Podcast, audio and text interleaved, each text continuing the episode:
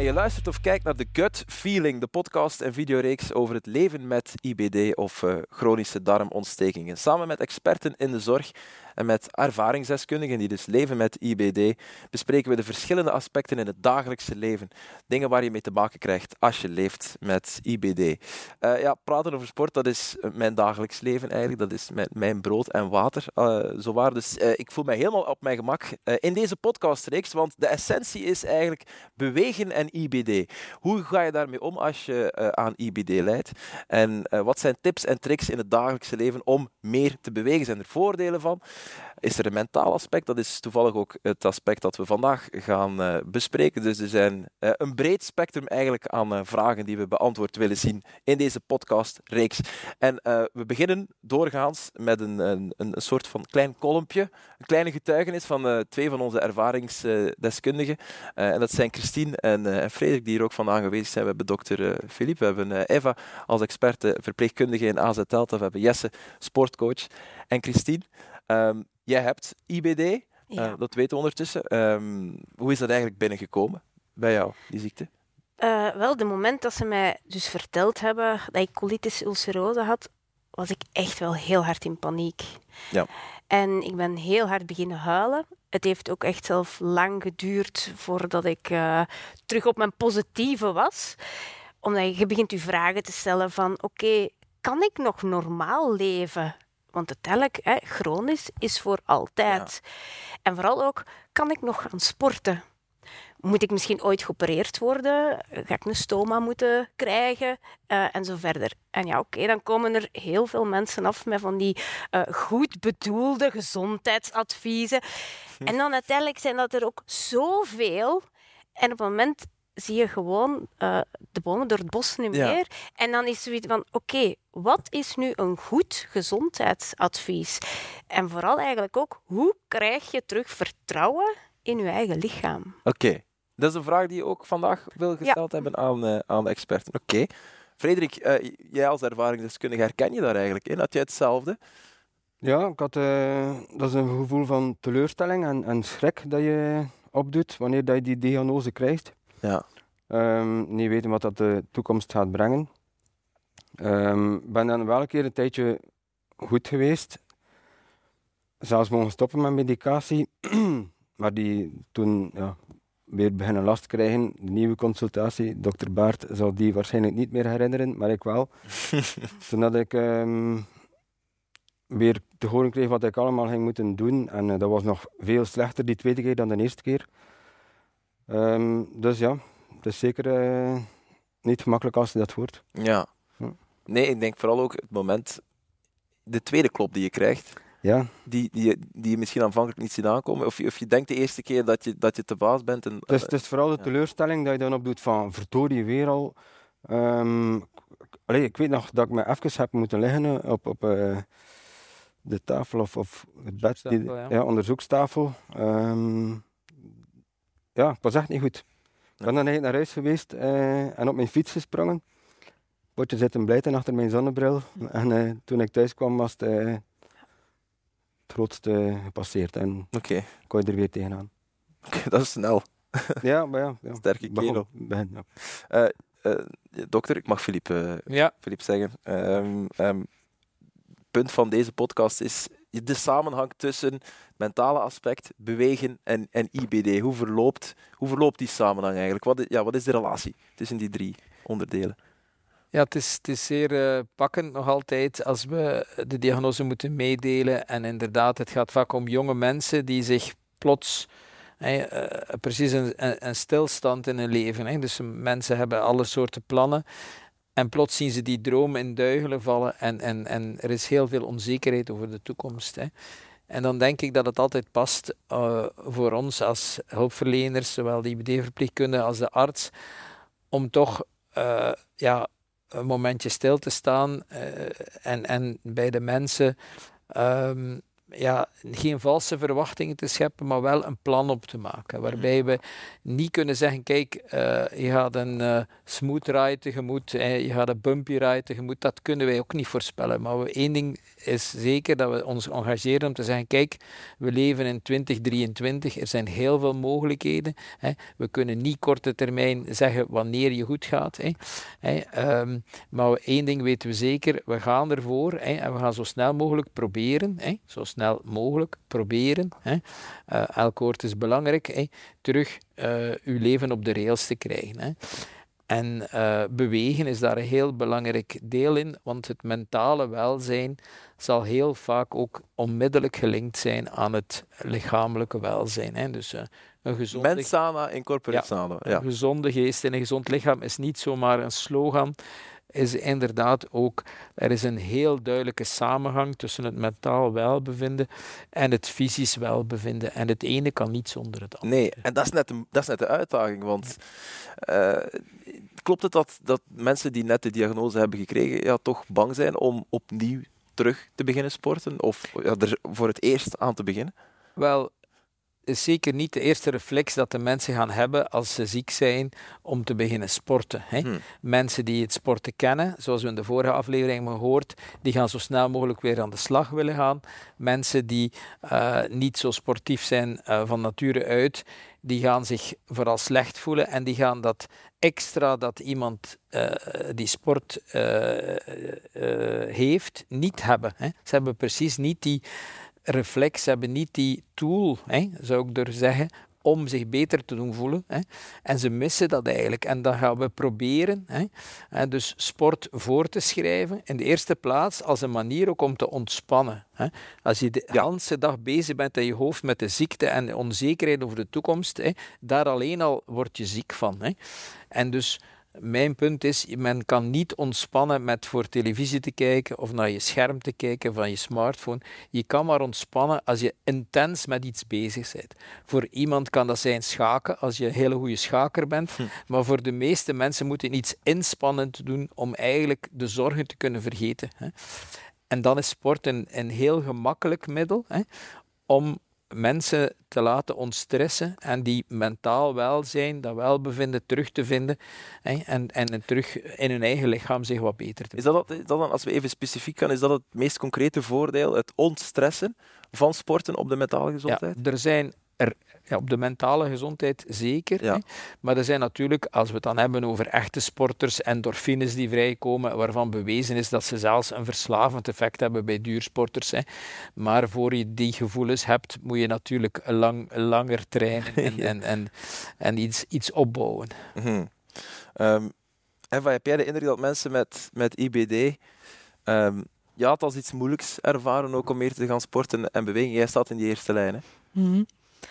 Ja, dat is natuurlijk wel uh, iets die binnenkomt voor, de, voor de patiënten. En mensen die vroeger al veel sporten voor hun diagnose, gaan ook rapper uh, opnieuw willen gaan sporten en gaan ook actiever die vraag stellen.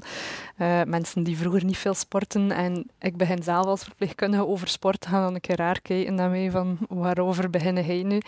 Um, maar dat is wel iets waar, waarin je de mensen wel meekrijgen om meer te gaan bewegen. Ja, ja want ik denk, ik denk voor jullie als, als, als verpleegkundige of, of als artsen, als medisch personeel, um, de diagnose en het, en het vaststellen van diarree, de lichamelijke klachten, um, dat is een heel groot deel van jullie job en, en dat, daar zijn jullie fantastisch in. Maar het lijkt me ook niet evident om het mentale aspect, het mentaal welbevinden, het mentale welzijn van een patiënt in kaart te brengen. Eh, mhm. Hoe doen jullie dat eigenlijk? Um, in, in ons centrum in AZ Delta en Rustelaar hebben we um, vragenlijsten die de patiënten invult vlak voor de consultatie. Uh, ook om de consultatie zelf te vergemakkelijken, waarbij dat we vragen hoeveel stoelhangen heb je, hoeveel buikpijn heb je, maar daar proberen we ook naar het mentale, uh, psychosociale te gaan bevragen. Daarvoor gebruiken we de IBD-disc. Dat is eigenlijk uh, een tiental vragen dat de mensen invullen over hun emoties, zelfbeeld, ook het sociale op het gebied van werk van vrienden? Uh, zijn er op het seksueel vlak zijn er belemmeringen voor de patiënt? De uh, IBD-disc heet dat. IBD-disc, ja. Je moet een score geven van 0 tot 10. En eigenlijk is dat eigenlijk alle voetje binnen om daar dan over te beginnen praten. Als je merkt dat patiënten dat aangeven dat ze daar veel problemen mee hebben, dan kun je als verpleegkundige dat onderwerp gemakkelijker gaan aankaarten dan zomaar uit het niets te vragen hoe dat, het, hoe dat gaat. Oké. Ken je dat, de IBD-desk? Heb jij hem ook uh, ingevuld? Ja, ik zit nu niet in dat ziekenhuis. Nee, nee, nee. nee. Uh, maar in Leuven hebben ze dus, uh, bij UZ Leuven hebben ze eigenlijk ook zo een enquête die ik elke keer moet invullen voordat, we, voordat ik eigenlijk op consultatie ga. Oké. En daar zitten dergelijke vragen, dus herken ik heel goed, ja. Ja, want ik denk, het is makkelijker om dat een beetje anoniem te doen. via zo'n app bijvoorbeeld dan ja, bij de dokter te gaan. Want eh, heb je schroom om, om, om over dat mentale aspect te spreken met een, een dokter of een verpleegkundige? Ik misschien daarom zo niet direct. Ik kan me dat uh, maar voorstellen. Ik kan me wel, ik kan me wel voorstellen, hè, want het zijn ook vragen van hè, uh, bij uw partner thuis in bed, gaat dat nog? Mhm. hè, dergelijke vragen. Dat je misschien niet iedereen daar openlijk wil over praten. Mm -hmm. want op het moment dat je een opstoot hebt, ja, je voelt je slecht in je lichaam gewoon op die moment. Heel eerlijk, je voelt je niet sexy. Nee. Om, uh, ja, dan met je partner. Mm. Ja, of voor je partner. Ja. Ik denk dat de mensen er misschien wel willen over praten, maar niet durven over praten. Hè? Ja. En die tool kan dan een manier zijn om het bespreekbaar te maken. Ja. Mm -hmm. Jesse, jij als sportcoach, um, hoe ga je er eigenlijk mee om met, met ja, de, de mentale weerstand die mensen soms hebben om om te bewegen. Want je, moet, ja, je, bent ook, je bent coach, dus ook groot deel motivator natuurlijk. Groot deel motivator. Ik ga me zeker geen psycholoog noemen, want mijn vrouw is psycholoog en ze zou met de deegrol op mijn hoofd um, ik, ik, ik zelf ervaar eigenlijk weinig of geen weerstand bij mensen die bij mij terechtkomen om te sporten. Dat is natuurlijk een specifiek publiek die bij mij terechtkomt. Ja, als, ja. Maar mensen die bij mij terechtkomen zijn over het algemeen uh, wel degelijk gemotiveerd maar hebben wel een bepaalde schroom en een gebrek aan zelfvertrouwen heel vaak, die ze moeten overwinnen. Ze weten ook heel vaak niet hoe dan ze er moeten aan beginnen. En vooral dat, dat gebrek aan zelfvertrouwen heeft te maken, denk ik, dan met de, een beetje een verhaal zoals dat mevrouw verteld heeft. Um, dat ze eigenlijk het vertrouwen in hun lichaam een beetje, een beetje kwijt zijn. En als ze dat onder controle krijgen, dan krijg je natuurlijk ja, verhalen zoals bij u en zoals bij Frederik, Ehm, waarbij dan ze dat vertrouwen wel winnen, uh, terugwinnen. Dan ze inderdaad begeleid worden in, uh, in, een, in, een ziekenhuis. En dat ze ja, daar eigenlijk bevestiging ook krijgen dat alles goed gaat. Dat ook op training of in een uh, competitie alles goed gaat en met een goed resultaat afloopt. En dat is de, denk ik een hele grote stap die mensen kunnen maken, gewoon door succes te ervaren en door persoonlijk succes te ervaren. Ja. Dan denk ik ook, positieve feedback krijgen. Want uiteindelijk is datgene wat we ja. een mens, zeker als je een, een, negatief zelfbeeld hebt, je vertrouwt je lichaam dan op die moment niet. En dan bij een coach denk ik uh, dat dan heel tof is om te horen, je bent goed bezig en blijf volhouden. En dat stimuleert u denk ik dan toch ook nog meer om Absoluut. te gaan sporten. Absoluut, dat denk ik ook. Alhoewel dat ik, ik zelf ben als coach niet de persoon die over het bolletje aait. Maar wij gaan wel gaan duiden via testing van kijk Frederik bijvoorbeeld, wat dat je nu gedaan hebt. Dit is waar dat je nu staat, dit is waar dat je stond. Heel visueel. En, en een, een, een, test of een lactaatafname, dat, dat ligt ook niet. Uh, een wedstrijdresultaat, dat ligt ook niet. Uh, trainingsresultaten, die kunnen variëren. Maar op lange termijn gezien liggen die ook niet. Dat is zwart op wit en dat bevestigt gewoon voor die mensen dat, dat hun inspanningen in het sporten, in bewegen, dat dat loont. En dat is iets dat altijd loont, denk ik. Of dat er nu aan heel laag intensiteit is, of dat dat inderdaad Spartacus run is, of, of marathons lopen is, dat maakt op zich niet uit, inderdaad. Eh, het bewegen, stap voor stap. En je bouwt altijd op. Je bouwt altijd op. Sporten ligt niet. En sporten is eerlijk eigenlijk. Sporten is eerlijk. Ja. Zeker individuele sporten, die zijn altijd eerlijk. Ja. ja. Dat is de eerlijkste maatschappij binnen onze maatschappij. Sport. Ik snap ook wel dat er mensen zijn die, die heel graag willen beginnen bewegen, maar naar een sportcoach stappen, dat is wel een bepaalde drempel. Daar moet je ja, een intrinsieke motivatie voor hebben. Maar Als mensen niet naar een sportcoach kunnen stappen, heb je dan een advies nog voor hen? Ja, absoluut. Ja, de gezondste sport, denk ik, die er is, is uh, wandelen, okay. zwemmen en, en ontspannen. Iets doen, iets doen inderdaad dat je graag doet. Er zijn mensen die, die graag met de kinderen gaan spelen, die graag met de, dat is ook een vorm van bewegen. Er zijn mensen die graag tuinieren, dat is allemaal basic, basic. Maar iedereen kan wel iets doen, denk ik. En iedereen heeft ook wel tijd of kan tijd maken om te bewegen. Dat is uh, wat ik vaak als mensen aan mij vragen. Men, door mijn job kom ik heel veel mensen tegen die mij vragen: ja, Jesse, luister, uh, ik heb geen tijd, want eh, ik uh, dit en dat en werk. En dan zeg ik altijd: ja, maar als jij opstaat, wat doet je dan? En dan, dan, zeggen ze vaak, ja, de kinderen klaarmaken om naar school te gaan, of ja, ontbijten, ja, dan kan ik niet sporten. Uh, maar zeg ik, als je opstaat, het beste dat je kunt doen, is je kleren aandoen, is een half uur gaan wandelen, dan ontbijten en dan je dag beginnen. Als je dat elke dag doet, heb je wel 7 maal 30 minuten gesport op een week. Ja, dus heb het, de bakker wandelen. Heb het nuchter gedaan, dus ja. stimuleert ook nog een keer je vetverbranding, is het eigenlijk heel gezond bezig. Ja. Oké, dat is wel een goede tip. Een half uur wandelen. Ja, voor, voor u, als er, eh, mag dat joggen zijn.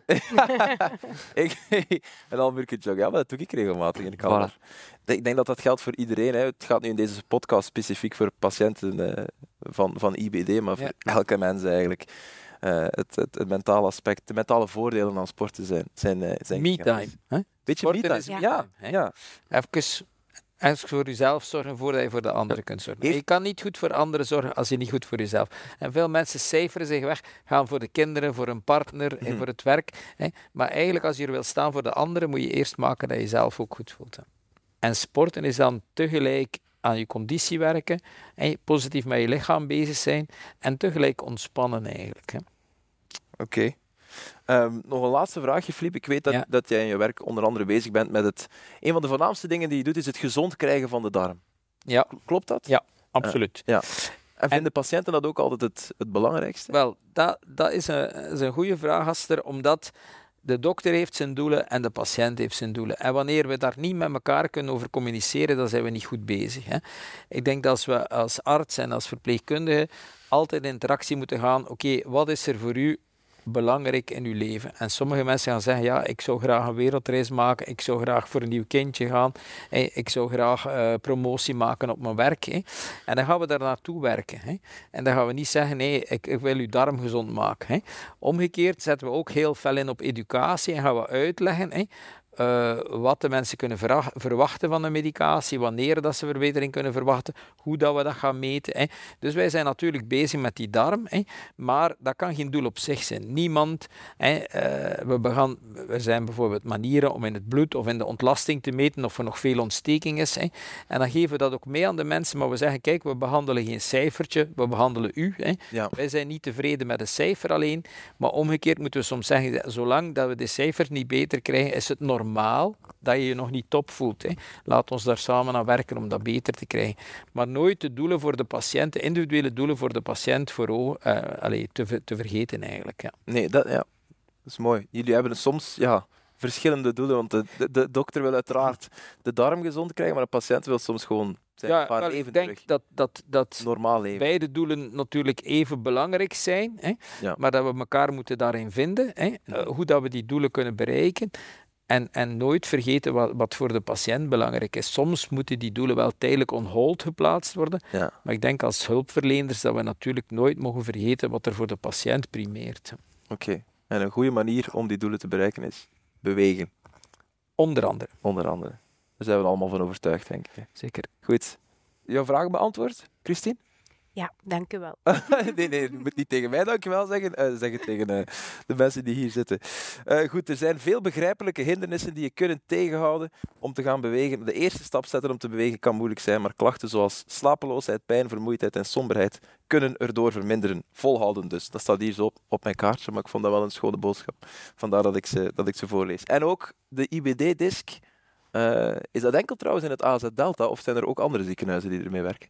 Ik denk dat dat op Belgisch niveau wel gekend is bij de IBD-verpleegkundigen. Uh, dus zeker handig om uh, een keer te gebruiken. En is dat een, dat is een app of zo? Of is het dat is een wetenschappelijk gevalideerde tool die beschikbaar is via App Store of de Google Store. Kan je downloaden, maar vaak gaan ziekenhuizen die al proactief bevragen bij de patiënt. Oké, dus de meeste mensen die aan IBD lijden zullen wel weten waarover het uh, gaat. De IBD-disk. Beetje reclame kan nooit kwaad, denk ik. Um, goed, uh, dat was het wat het uh, mentale aspect over bewegen en IBD betreft. Als je benieuwd bent naar de rol van pijn bij bewegen en IBD, kan je in een andere aflevering bekijken. Goed, merci allemaal.